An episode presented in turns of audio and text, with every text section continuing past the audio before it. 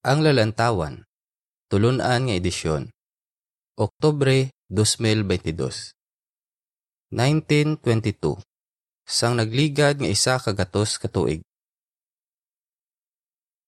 Ginhatag sang Dios sa aton ang kadalagan paagi kay Hesus Kristo. Unang Korinto 15:57.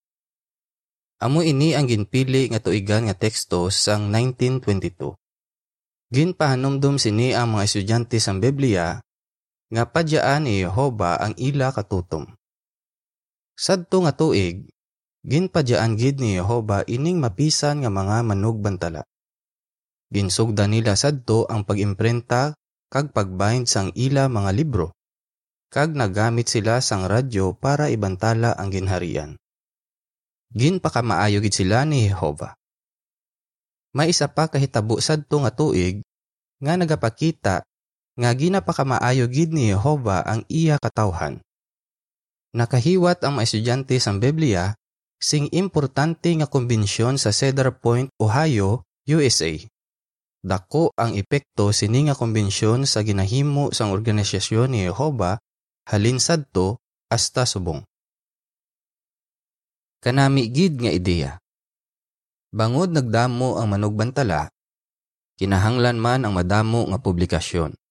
Ang mga kautoran sa Bethel sa Brooklyn amo ang nagaimprenta sa mga magasin pero ginapaimprenta nila sa mga printing company ang ila hardcover nga mga libro.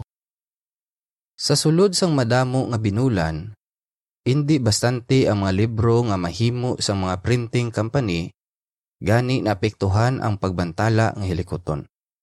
Bangod sini, ginpamangkot ni Brother Rutherford si Robert Martin nga amo ang nagadumala sa printery. Parte sa posibilidad nga sila mismo ang maghimo sa mga libro. Kanami gid nga ideya, siling ni Brother Martin. Kay ginapahangop sini nga mag-ooperate kami sang printery nga makasarang sa paghimo sa mga libro.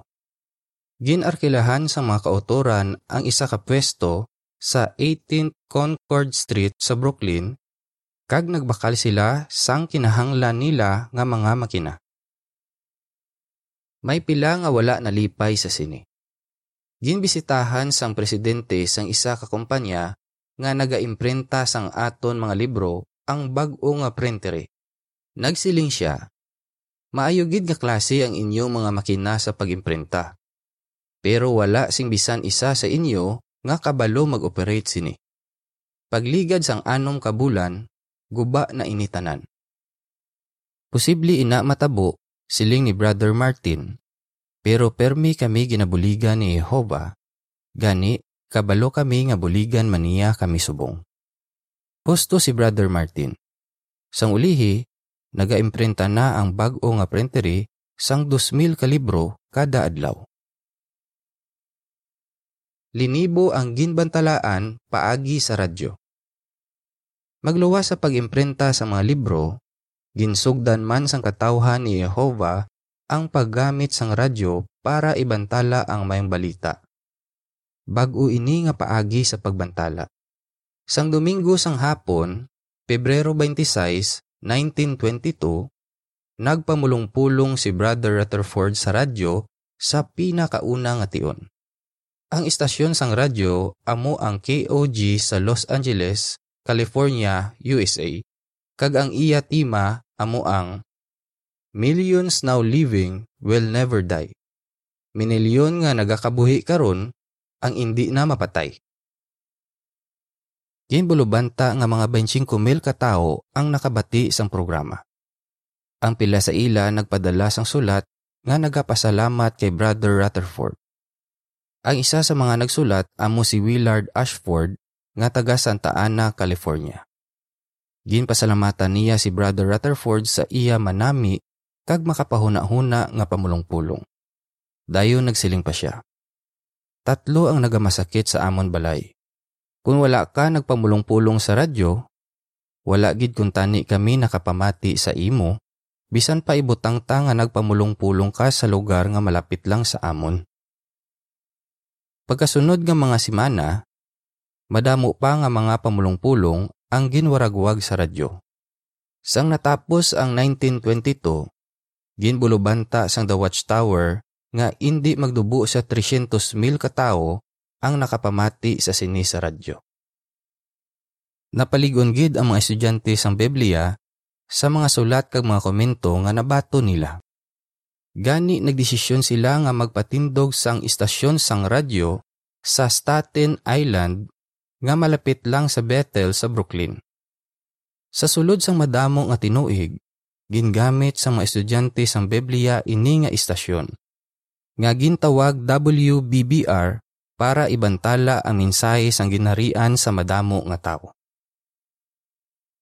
ADV Ginpahibalo sang Hunyo 15, 1922 nga The Watchtower nga may hiwaton nga konbensyon sa Cedar Point, Ohio, sugod sa Setyembre 5 hasta 13, 1922.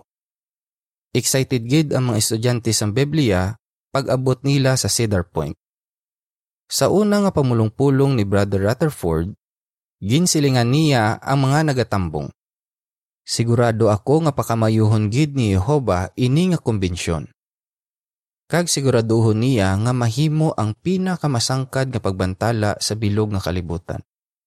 Sulit-sulit nga mabatian sa mga nagapamulong-pulong sa konbensyon nga ginapalig-on nila ang mga kauturan nga magbantala. Sang biyernes, Setyembre 8, mga 8,000 ang nag-attend sa auditorium kag excited sila sa pamulong-pulong ni Brother Rutherford. Nagalaom sila nga ipahatahag niya ang buot silingon sang ADV nga ara sa mga imbitasyon. Sang nagpungko sila, sigurado gid nga madamo sa ila ang nakatalupangod sang dako nga tilon nga nalukot sa ibabaw sang entablado. Ang isa sa mga nag-attend amo si Arthur Klaus nga taga Tulsa, Oklahoma, USA. Manami ang iya pwesto kay mabatian niya sing maayo ang pamulong-pulong. Mabudlay sadto makapamati sing maayo kay wala pa mga mikropono o kon mga loudspeaker. Para masigurado nga wala sing may magdisturbo sa pamulong-pulong, ginpahibalos ang chairman nga wala sing pasudlon sa auditorium samtang nagapamulong-pulong si Brother Rutherford. Sang alas 9.30 sang aga, ginpaathag ni Brother Rutherford ang ginsiling ni Jesus sa Mateo 4.17. Ang ginharian sang langit malapit na. Samtang ginabinagbinag niya kung paano mabatian sa mga tao ang parte sa sining nga ginharian, nagsiling siya. Si Jesus mismo nagsiling nga sa tion sang iya presensya, magapangani siya para tipunon ang iya matuod kag matutom nga katawhan. Si Brother Klaus nga nagapungko sa sulod sang auditorium, nagsiling. Ginapamatian gid namon sing maayo ang pamulong-pulong. Pero gulpi lang nga naglain ang iya pamatyag, kag kinahanglan niya magwa sa auditorium. Daw indi tani siya magwa kay kabalo siya nga indi na siya pagpasudlon liwat. Pagligad sang pila ka minuto, nag-ayo ang iya pamatyag. Nagsiling siya nga samtang nagalakat siya pabalik sa auditorium, nabatian niya ang matunog nga pinalakpak. Nahuna-huna niya nga dapat gid niya tapuson ang pagpamati sa sining manami nga pamulong-pulong, bisan pa kinahanglan niya magsaka sa atop. Nakakita sing paagi nga makasaka sa atop si Brother Klaus nga 23 anyos lang sadto. Sang malapit na siya sa bukas nga mga bintana, natalopang niya nga maathag niya nga mabatian ang pamulong-pulong. Pero, hindi lang si Arthur ang ara sa atop. Ara man sa atop ang pila sa iya mga abyan. Ang isa sa ila amo si Frank Johnson nga nagpamangkot sa iya. May matalom ka nga kutsilyo? Oo, may ara, siling ni Arthur. Ikaw ang sabat sa amon mga pangamuyo, siling ni Frank. Nakita mo ining nalukot nga dako nga tilon nga ginhigot sa mga lansang? May nakasulat sa sini nga tilon, pamatii sing maayo si judge.